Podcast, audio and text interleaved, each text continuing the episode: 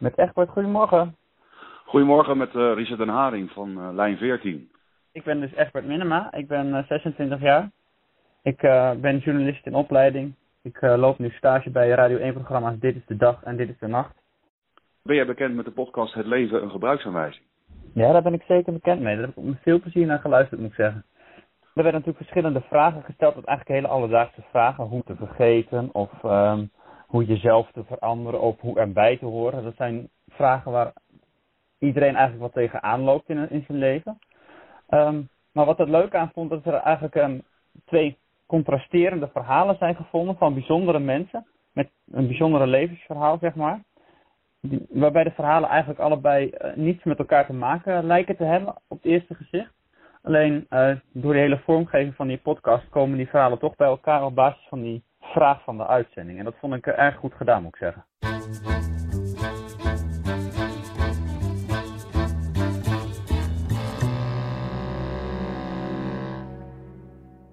Je luistert naar Lijn 14, de podcast over podcast.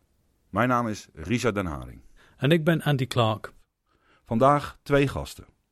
Ze zijn bekend van radioseries als Plots, de 1 Minuten reeks, Toendra en Het Leven een Gebruiksaanwijzing. En onze uh, radioprogramma's zijn ook als podcast verkrijgbaar. Sinds enige tijd vind ik dat eigenlijk ook veel belangrijker dan dat de podcasts ook nog op de radio verkrijgbaar zijn. Jair Stijn werkt nu vooral als eindredacteur voor het programma Radiodoc op Radio 1.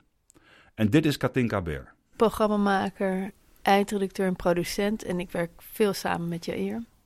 Hoe lang denken jullie dat het duurt voordat podcast even groot in Nederland is, in verhouding, als in Amerika?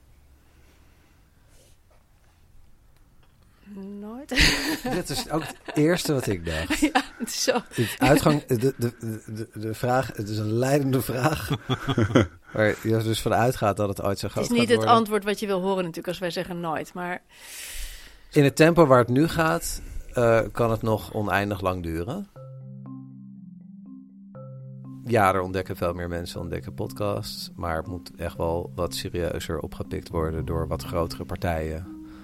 Uh, liefst met een paar bekende uh, Nederlanders erbij. Die niet alleen maar gewoon een microfoon pakken en slap gaan ouwe hoeren. Zeg maar de ultra goedkope variant van de podcast. Maar het medium even serieus nemen als in Amerika. De, de, de grote vraag is niet wanneer het opgepakt gaat worden door de luisteraars. De vraag is wanneer makers snappen dat het, een, dat het zoiets wezenlijks anders is dan radio. En dat je er zoveel meer in moet investeren als je het goed wil doen. Um, dan pas wordt het ook opgepakt. Je moet gewoon eerst kwaliteit hebben. En tegelijkertijd denk ik, nou wij maken dan toevallig een hele goede Super programma's. kwaliteit. Dat, dat er nog wel heel veel uh, winst te behalen is. Dat er nog inderdaad heel veel mensen zijn die we nu nog niet bereiken. En die, omdat het gaat steeds meer over podcast. Weet je wel, het is nu toch minder zo dat mensen denken, podcast, wat is dat? Dus dat is allemaal goed nieuws. Dus ik denk nog steeds, de aantallen zullen echt groeien en dat is heel fijn. Want het is, wij maken eigenlijk radioprogramma's die ook als podcast worden aangeboden. Nooit iets wat alleen maar een podcast is. Maar voor programmamakers zoals wij, als ik even dat voor jou in mag vullen hier, is het een geweldige manier van luisteren. Dat mensen zelf kiezen het moment dat ze gaan luisteren, vaak met een koptelefoon op. Super geconcentreerd in plaats van dat het toevallig aanstaat. En misschien heb je het begin gemist of je mist het. Weet je wel, wij maken niet programma's waarvan we waarvan je eigenlijk het einde mag missen of het begin eventjes. Het is een mooi bruggetje naar jullie eigen programma. Het leven een gebruiksaanwijzing. Jullie vormen samen de eindredactie van dat programma. Uh, ja, de, de, serie is inmiddels afgerond, maar natuurlijk wel nog helemaal uh, terug te luisteren. Het waren afleveringen van rond de 12 minuten over één, uh, zeg maar met als uitgangspunt één prangende vraag. Waarbij we verschillende hoofdpersonen, in het begin soms drie, op een gegeven moment kwamen uit dat dat toch wel erg veel was, dat de twee beter werkten, die op verschillende manieren worstelden met, die, uh, met hetzelfde probleem of hetzelfde levens, uh, dezelfde levensvraag. Ik ben Margot de Boer, 85 jaar oud en ze hebben me gevraagd een nieuw programma te presenteren. Het leven een gebruiksaanwijzing. Door zuurstofgebrek kan ik niet praten en zit ik in een rolstoel. En spraakcomputer bedien ik met mijn ogen. 14 afleveringen met persoonlijke verhalen aan de hand van een prangende vraag. En als ik het u zou vragen, 5 plus 3? Zoals hoe te vergeten. 5 plus 3, dat is eh 17. Hoe je niet schuldig te voelen. Bij mij eh, gingen er zo verschrikkelijk veel kreeften doorheen in, eh, in mijn restaurant. Een stuk of tien per dag, gewoon het kokend water in. Het is natuurlijk niet de allermooiste dood die je kan voorstellen. Hoe een bittere pil te slikken. Als ik zijn handen zag, dan zag ik zijn handen. Ik vond de nagellak heel mooi. Ik vond het heel mooi verzorgd. Maar het waren mijn mans handen. Of hoe je stem te vinden. Kwamen de verhalen eerst, dan de thema's daarna? Of is het... eh, wisselde. Ja. Soms hadden we een thema. Op een gegeven moment hadden we natuurlijk al een aantal vragen gehad. En dachten we, wat missen we nou nog en wat vinden we nou belangrijk? Dus hadden we meer een, een soort richting waar we op gingen zoeken. Meestal was het zo dat we eerst een verhaal hadden of mm, ja, waar een... Ja, we, we, eh, over het algemeen, en zo zijn we een beetje gewend te werken, dat hebben we letterlijk afgekeken van This American Life. Dus we hebben ooit een keer, in 2010 meen ik, of 2009, Ira Glass ontmoet, de presentator. Eh, en hem dit soort dingen gevraagd. Precies dezelfde vraag. Wat hebben jullie eerst? Thema of de verhalen? Hoe gaan jullie thema werk? verzinnen is namelijk heel makkelijk. Je Ja. kan zo honderd goede thema's Ja. bedenken voor, nou ja, En, en hij legde uit wat, eh, wat zij deden. Ze, ze gingen uit van één verhaal wat zo sterk was. Dat noemden ze een anchor story. Eh, wat, zo, wat zo sterk was dat ze daar de andere verhalen bij zochten. Hmm. En dan kijken van waar raken die elkaar. Dus dan, bij één verhaal zochten ze een thema en dan gingen ze andere verhalen zoeken. Nou, dat hebben wij bij Plots gedaan. Later bij Toendra ook gedacht van we moeten gewoon uitgaan van de sterke verhalen. Maar toen waren de titels niet zo belangrijk. En hier zaten we in een soort... Maakten we het onszelf gewoon heel ingewikkeld. Want die titels wisten we, dat kon niet zomaar een titel zijn. Het moest klinken als een soort knipoog naar zelfhulp. Dus ehm, hoe te doen of er niks aan de hand, hoe te doen alsof er niks aan de hand is. Dat zul je niet zo snel in een zelfhulpboek vinden. En tegelijkertijd snap je van, oh, oké, dit is dit gaat over mensen die weigeren de waarheid onder ogen te zien. Dus het is iets heel pijnlijks. Ja, en, en dus absoluut niet dat het klinkt als een echt zelfhulpboek. Want soms hadden we het, weet je wel, past een titel eigenlijk het beste. Dan dachten we van ja, maar dit zou zomaar eh, echt een artikel in de FIFA kunnen zijn. Dat willen we natuurlijk niet. Maar het was dus heel lastig. Want je, wat, je, wat we dus moesten hebben was... We moesten sowieso twee verhalen vinden die in elkaar grepen op een bepaalde manier. Dan moesten we Ja. een titel vinden Ja, die... per aflevering. Per hè? aflevering. Twee, aflever of twee Per aflevering. verhalen in dezelfde aflevering. Die, die, En ja. dan moet je denken van, oh, de- deze titel zet dat neer. Maar je moet dat wel in een, in een soort how-to vraag kunnen formuleren. Die niet klinkt als echt zelfhulp. En Margot moet er nog een verhaal bij hebben. Dus we hebben, bij sommige verhalen hebben we, ik geloof tot zes keer toe, de titel moeten veranderen. Of nog een keer terug naar Margot voor een ander verhaal. Eindeloos zitten denken aan het... God, wat heb ik lang aan de telefoon gezeten. Wat, en dan ook wat kan nog het in zijn? 12 minuten. ja, Ja. maar vooral van Ja. die titel. Wat kan het zijn? Wat kan het zijn? Wat het, wat het dekt. Wat Ja. het dekt de lading. hoeveel Ja. tijd ging in elke aflevering dan? Gemiddeld zo. Dat, dat durft niemand bij te Nee? houden. Dat houdt niemand bij. Nee. Nee. nee. En en waarom hebben jullie gekozen voor 12 minuten? Ja, dat is het slot. Dat is zeg maar de korte radiodoc. Mhm. In podcast kan je natuurlijk alles doen wat je wil, maar wij waren ook gebonden aan het slot op Radio 1. En in Radio, heb, Radiodoc heb je een lange documentaire en een korte. Radiodoc, voor de eh, luisteraars die dat nog niet als podcast hebben, nu ook als podcast verkrijgbaar. Radiodoc is eh, elke zondag op de radio te horen van 9 tot 10 op NPO Radio 1. En daar zaten wij in. En die hebben dus inderdaad een lange documentaire en een korte documentaire. En die, dat korte wisten nog op te rekken tot ja, 10 dat à is 15 eigenlijk 10 minuten. minuten. En daar hebben we toen al 12 van gemaakt. En vaak hadden we eigenlijk meer nodig. Dus dan was het van hoe lang wordt te lange? Kunnen we willen eigenlijk 14 maken? Kunnen we, en dan soms was het ook heel spannend, echt zo van eh, dat het zo propvol werd, die twee afleveringen na elkaar, dat het gewoon spannend werd of je het ging redden met Ja, eh, nee, en- nieuws. en- En, en als de reclame te lang, als er, als een er spookrijder zou komen, dan hadden we een probleem gemaakt. Nee, maar wat ik wou zeggen nog even over die 12 minuten, want het is best wel kort, en dat je dan toch een hele wereld en emoties en, en lagen en diepgang.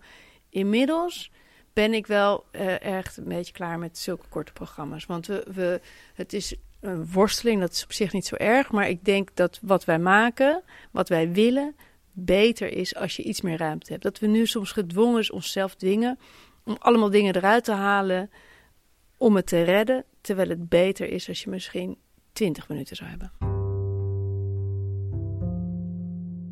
Ja, Ier kwam per toeval bij de radio terecht. En ik ben geïnterviewd voor de radio over een scriptie die ik had geschreven. Ik heb biologie gestudeerd, ik werd geïnterviewd over mijn scriptie. En dat vonden ze een leuk interview. En gestoord als de VPRO radio toen was, zeiden ze van... wil je niet zelf een keer programma's maken? En toen ben ik gewoon naar beneden gevraagd, want ik zat zeg maar boven in het gebouw en ik naar beneden... Uh, of ik een idee had. En toen had ik een idee om iets te maken over... op basis van een krantartikeltje wat mijn moeder had bewaard een, een hoogleraar tandheelkunde die zei dat vrouwen meer last hadden van tandbederf omdat ze vaker naar de tandarts gaan. Hmm, dus het uitgangspunt, de uitgangspunt was vaak naar de tandarts gaan is slecht voor je gebit. En ik zat, uh, de wetenschapsredactie had gevraagd of ik iets wilde maken. En ik dacht, dat vind ik interessant, ik wil dat uitzoeken. En omdat ik zelf al acht jaar niet naar de tandarts was gegaan, heb ik mezelf als proefkonijn genomen. En ik wist niet hoe ik opnames moest maken. En ik luisterde ook niet naar de radio. Uh, dus iemand was meegegaan om een. ook niet. nee, het heeft ook vrij lang geduurd voordat ik dat ben gaan Perfect doen. voorbereiding. En daarna was het stuur vrij snel weer voorbij. Um, maar uh, iemand anders heeft de microfoon vastgehouden. Ik wist ook niet hoe dat moest. Het was op tape, op cassette. Um, en ik heb daarna nog dingen opgenomen, extra gesprekken, weet ik nog, op magneetband. Okay. Um, Echt lang geleden. Ja, het is lang geleden. En dat is uh, een enorm doorslaand succes geworden. Zo groot dat ik denk nog anderhalf jaar later, elke keer als ik een programma maakte, want ze vonden het wel erg leuk, zeiden ze hartstikke leuk. Niet zo leuk als het verhaaltje toen maakte over de tandarts. dat was hem. Ja, dus jouw eerste keer ging eigenlijk heel goed. Ja, ging heel goed. Ja. ja nooit meer even naar. Nee. Ik ben echt helemaal tegenovergesteld. Ik ga gewoon regelmatig naar de tandarts. Ik... en ik wist. en ik wilde echt bij de radio. Dus ik heb als student al bij uh, lokale radio gewerkt uh, in Amsterdam. Wat vervolgens niet echt telde, bleek toen ik bij de VARA ging solliciteren op mijn cv. Want dat niveau, weet je, we konden er niet van op aan. Toen ben ik redacteur geworden en ik weet nog heel goed mijn eerste reportage die ik voor de VARA maakte was met een, uh, een, een, meisje die schaakkampioen was, een hele goede schaakster. En dat ik toen al dacht: oké, ik wil het in die en die vorm. Ik wil, dat, ik wil mijn vragen eruit. En ik gebruik dit voorbeeld. Ik geef ook les in het maken van podcast. En uh, ik geef dit vaak als voorbeeld, omdat ik toen tegen dat meisje zei. Die was tien en ik sta er met mijn microfoon voor haar neus. En toen zei ik: kun je de antwoorden zo geven dat ik mijn vragen eruit kan halen. en dat deed ze. Want dat doen ze. Ja, natuurlijk, dat doen we. Je, je kan, dit is trouwens. ik vind het heel leuk dat je moet lachen. Ik vind het ook heel slecht om het zo te doen. maar dat doen heel veel. Het gaat bij de televisie kijken, dat doen ze. Is ze alleen zeggen, maar zo, ja. Is alleen maar zo. Hm. Is super slecht idee natuurlijk. Want hoe kun je ooit nog naturel praten en je eigen woorden gebruiken als je steeds moet denken. Dus ik zou het nooit meer zo doen. Maar ik vind het wel grappig dat dat, dat ik daar toen met mijn allereerste reportage al mee bezig was met de vorm. Voor, hm. voor ja. what it's worth. Maar het was niet zo'n succes dat ze altijd daarna bleven zeggen van... Uh... Ik realiseer me trouwens dat ik al eerder radio had gemaakt. Alleen het was gewoon niks fatsoenlijks. Ik zat bij de kraakzender Patapoe. Uh, oh. Maakten we een programma Muziek Terwijl U Sterft. Um, Vrolijk titel. Ja, was op zich heel leuk. Oh, u sterft. en uh, waar we af en toe mensen in de uitzending hadden die... Um, die we gingen interviewen. Er waren alleen geen luisteraars. Op een gegeven moment kregen we een telefoon, gewoon een ouderwetse telefoon. En toen konden mensen ons bellen. En toen hebben we gevraagd van, als er iemand is die luistert, bel ons op. Niet omdat we u in de uitzending willen, hebben, maar dat we willen weten of we gewoon benieuwd hebben. Niemand. Dus ja, dat was dat, eigenlijk de eerste echte aanraking. Dat herinner ik me ook van de lokale omroep. Bel nu. Nooit gebeld. Ja. Maar het was meteen liefde dan. Ja. Eerst aanraking met, met radio maken, audio maken het, maken, het maken voor mij wel. Het heeft heel lang geduurd voordat ik uh, echt ging luisteren. Het heeft heel lang geduurd voordat ik wist op welke frequentie we uitzonden. Um, en op een gegeven moment ben ik via podcast echt verliefd geworden op radio. Nee, bij mij was het echt, uh, echt anders. Ik luisterde altijd. Ik heb een radio in de keuken. Ik had ook een spatvrije radio in de douche. En uh, weet je wel, ik heb overal radio's. Liefst word ik ermee wakker. Hm. Maar misschien is het verschil ook dat ik uh, gewoon vroeger uit bed, uh, hoe zeg je dat?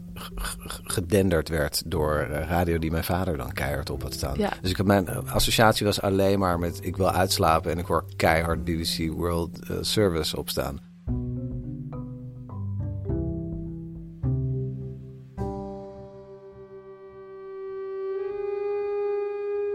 Ik zat als een propje, helemaal in een hoekje. Met mijn benen tegen mijn borst. Mijn haar voor mijn hoofd. Mijn handen naar beneden. Gewoon uh, helemaal in een hoekje gepropt.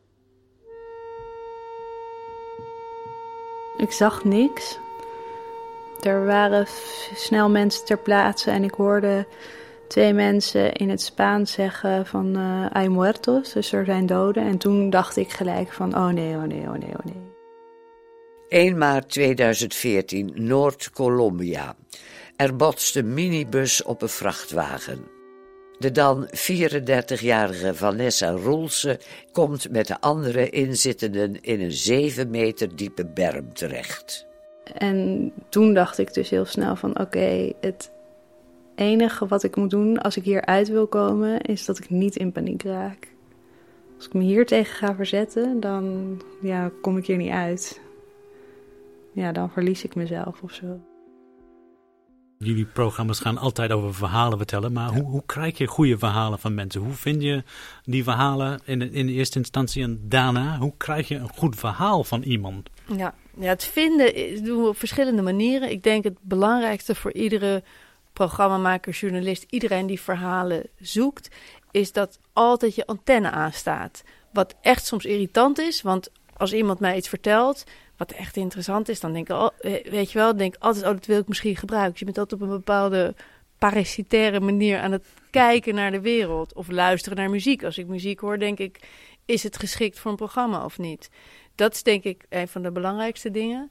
En soms andersom, dat ik, dat ik denk, dit is een interessante... Ik ben nu met een radiodoc uh, bezig over uh, migranten en asielzoekers die terugkeren naar huis naar een land van herkomst. Ja. Dus daar vind ik verhalen, omdat ik die, die mensen ga spreken. Maar daar, dat is uitgaand van een onderwerp waarvan ik denk, daar, daar zijn verhalen te vinden natuurlijk. Maar ik denk over het algemeen uh, hebben wij bij de programma's die wij gemaakt hebben de, de eerste methode gehanteerd. En daar gaat natuurlijk één fase aan vooraf. En dat is denk ik het moeilijkste. Je moet weten wat een verhaal is. Je moet er een herkennen als je, als je en hoe doe je dat dan?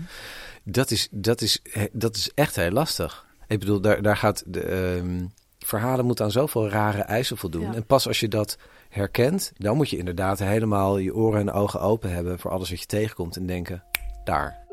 Vroeger hoorde ik heel vaak, uh, je lijkt op Julia Roberts. Dat is heel vaak tegen mij gezegd. Dat zegt nu nooit meer iemand tegen mij trouwens. Ja, ik zie er toch net weer wat anders uit. Ik denk dat wij het heel erg eens zijn over criteria waar, het aan, waar een verhaal aan moet voldoen. En één is dat het het, het moet heel persoonlijk zijn, maar het moet tegelijkertijd het persoonlijke overstijgen. Het moet een universele betekenis hebben. Dus niet alleen een anekdote een zijn. Thema. Een groter thema moet er onderliggend zijn. En dat gaat heel vaak mis. Dat mensen zeggen van dit is een verhaal. Oké, maar waar gaat het nou eigenlijk over? Ze hebben mijn hele gezicht geopereerd. En dat was een operatie van een uur of twaalf of zo. Ze hebben alles weer een beetje aan elkaar geplakt, zeg maar, met van die uh, titanium en plaatjes stuk of uh, vijftig of zo. Is het niet eigenlijk alleen maar toeval wat hier gebeurd is? Of pech? En enerzijds is dat is de valkuis dat je denkt als het heel dramatisch is, dan is het een verhaal. Maar dramatisch is maar één van de voorwaarden voor Alleen dramatisch is. misschien ook geen verhaal. Ze worden veel gemaakt. Maar wij vinden het veel interessanter als het ergens... Als er iets keert. Of, ja, precies. Ja, vragen oproept over grote thema's. En, ook, ja. En, en, dat gebeurt meestal pas op het moment dat een dramatische gebeurtenis een onverwacht gevolg heeft. En het, het verwachte gevolg, ongeluk, iedereen vindt het vreselijk. Ja. Maar wat je, wat je hoopt eigenlijk, en dat is waar, denk ik, waar wij vooral op zoek waren, naar mensen die goed vertellen meestal met enige zelfspot of zelfreflectie. Dus mhm. niet die alleen maar soort hangen in, in, in, in een slachtoffer, in een slachtofferrol, maar het liefst en uh, uh, dus actoren, mensen die zelf een actieve rol spelen in wat er gebeurt. Dus, dus iets doen. En toen was echt het moment, ik denk, nou ga ik echt uh, dat serieus aanpakken. En dat lukte toen ook. S ochtends twee boterhammetjes, alleen maar fruit tussendoor. S'avonds één keer opscheppen. En ik ben heel veel met de drummer van de band gaan squashen. Nou, en toen vlogen de kilo's eraf.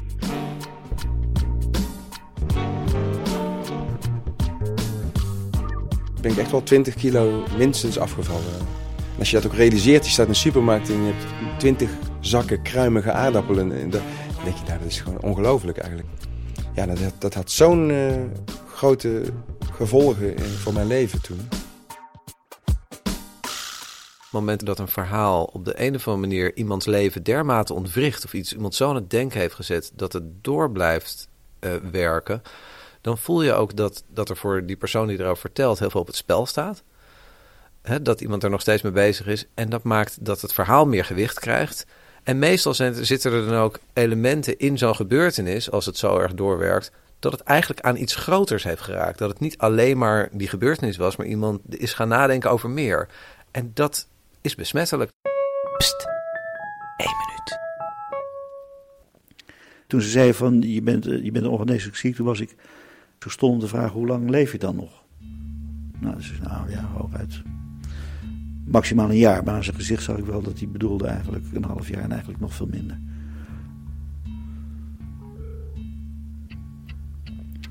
Je weet wat doodgaan is, dat weet je natuurlijk allemaal, wat dat betekent. Maar eh, dat heeft toch ook nog heel gek genoeg iets abstracts. Gek genoeg gaat dan het leven toch ook nog wel weer gewoon door. Dus je gaat gewoon de alledaagse dingen doen. Je gaat gewoon boodschappen doen. Toen ik dus gewoon eh, bij de supermarkt was en dacht, oh ja, de tandpasta is op, moet even een nieuwe tandpasta kopen. Normaal koop je dan twee tubes. Ehm, en toen ik met die twee tubes in mijn hand stond, toen dacht ik ineens, twee tubes? Ik geloof dat ik er nog maar eentje nodig heb, want die tweede kom ik vast niet meer aan toe. En dat was een, een, hele, eh, dat was een, een schok voor me. Dat ik toen me ineens realiseerde van ja, je leeft waarschijnlijk nog één tube tandpasta lang. En dan, eh, dan is het klaar.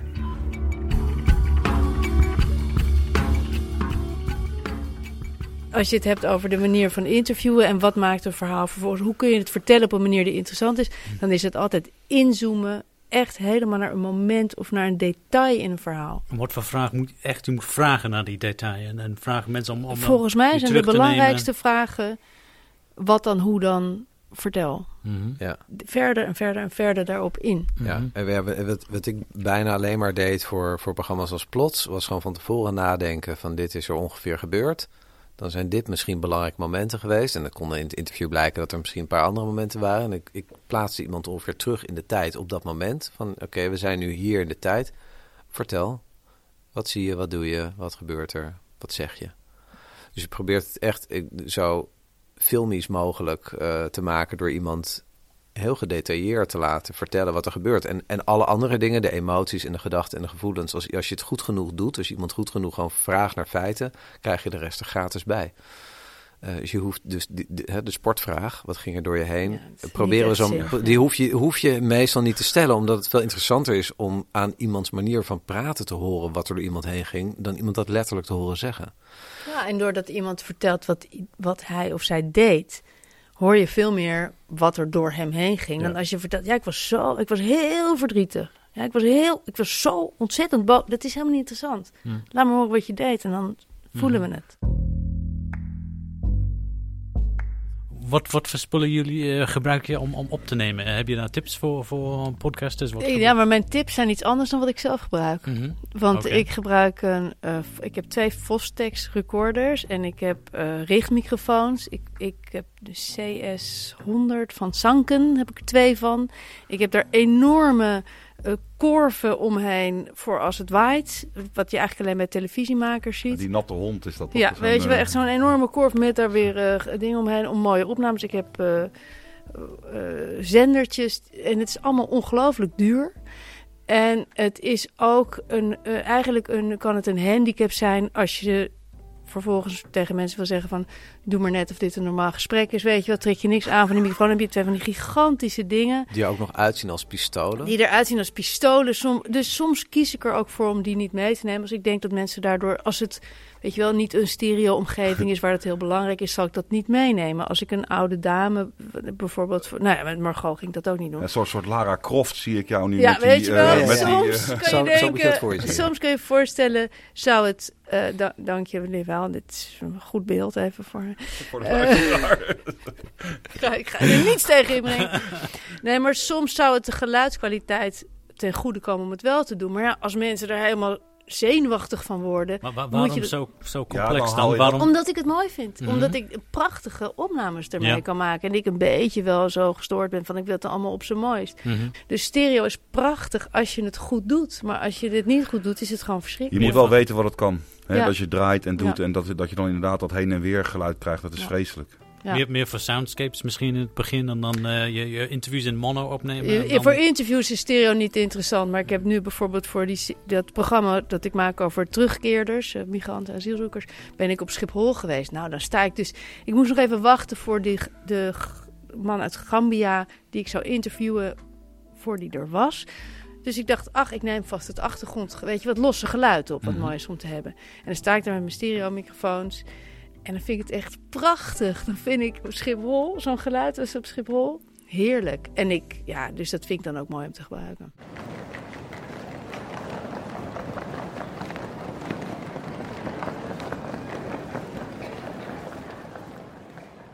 Ik hoorde laatst, het was eh, een jongen van de correspondent, die vertelde iets bij de NPO over podcasts. Zover zijn we inmiddels dat eh, de correspondent aan een omroepbedrijf uitlegt, of aan de publieke omroep, wat een podcast is. Ehm, maar in ieder geval, die, die kwam met een citaat van Roman Mars, de presentator van de beroemde podcast 99% Invisible. Die had gezegd, en daar ben ik totaal mee eens, dat één podcastluisteraar evenveel waard is als 10.000 radioluisteraars. En dat, dat de, ik, ik, ik sta wel achter die stelling. Ja, het zijn echte luisteraars. Hè? Ja. Dus het zijn, het- die die gaan met een hele andere intentie gaan ze er zitten. Het is, ik heb wel eens vaker mijn oud-collega's bij de VPRO getreiterd... door te zeggen dat Radio 1 een zender is voor mensen die te zwak, ziek en oud zijn... om een andere kanaal op te zetten. Zoals ik. Oh ja, jij luistert ook. Zo. Zoals Katinka, ja.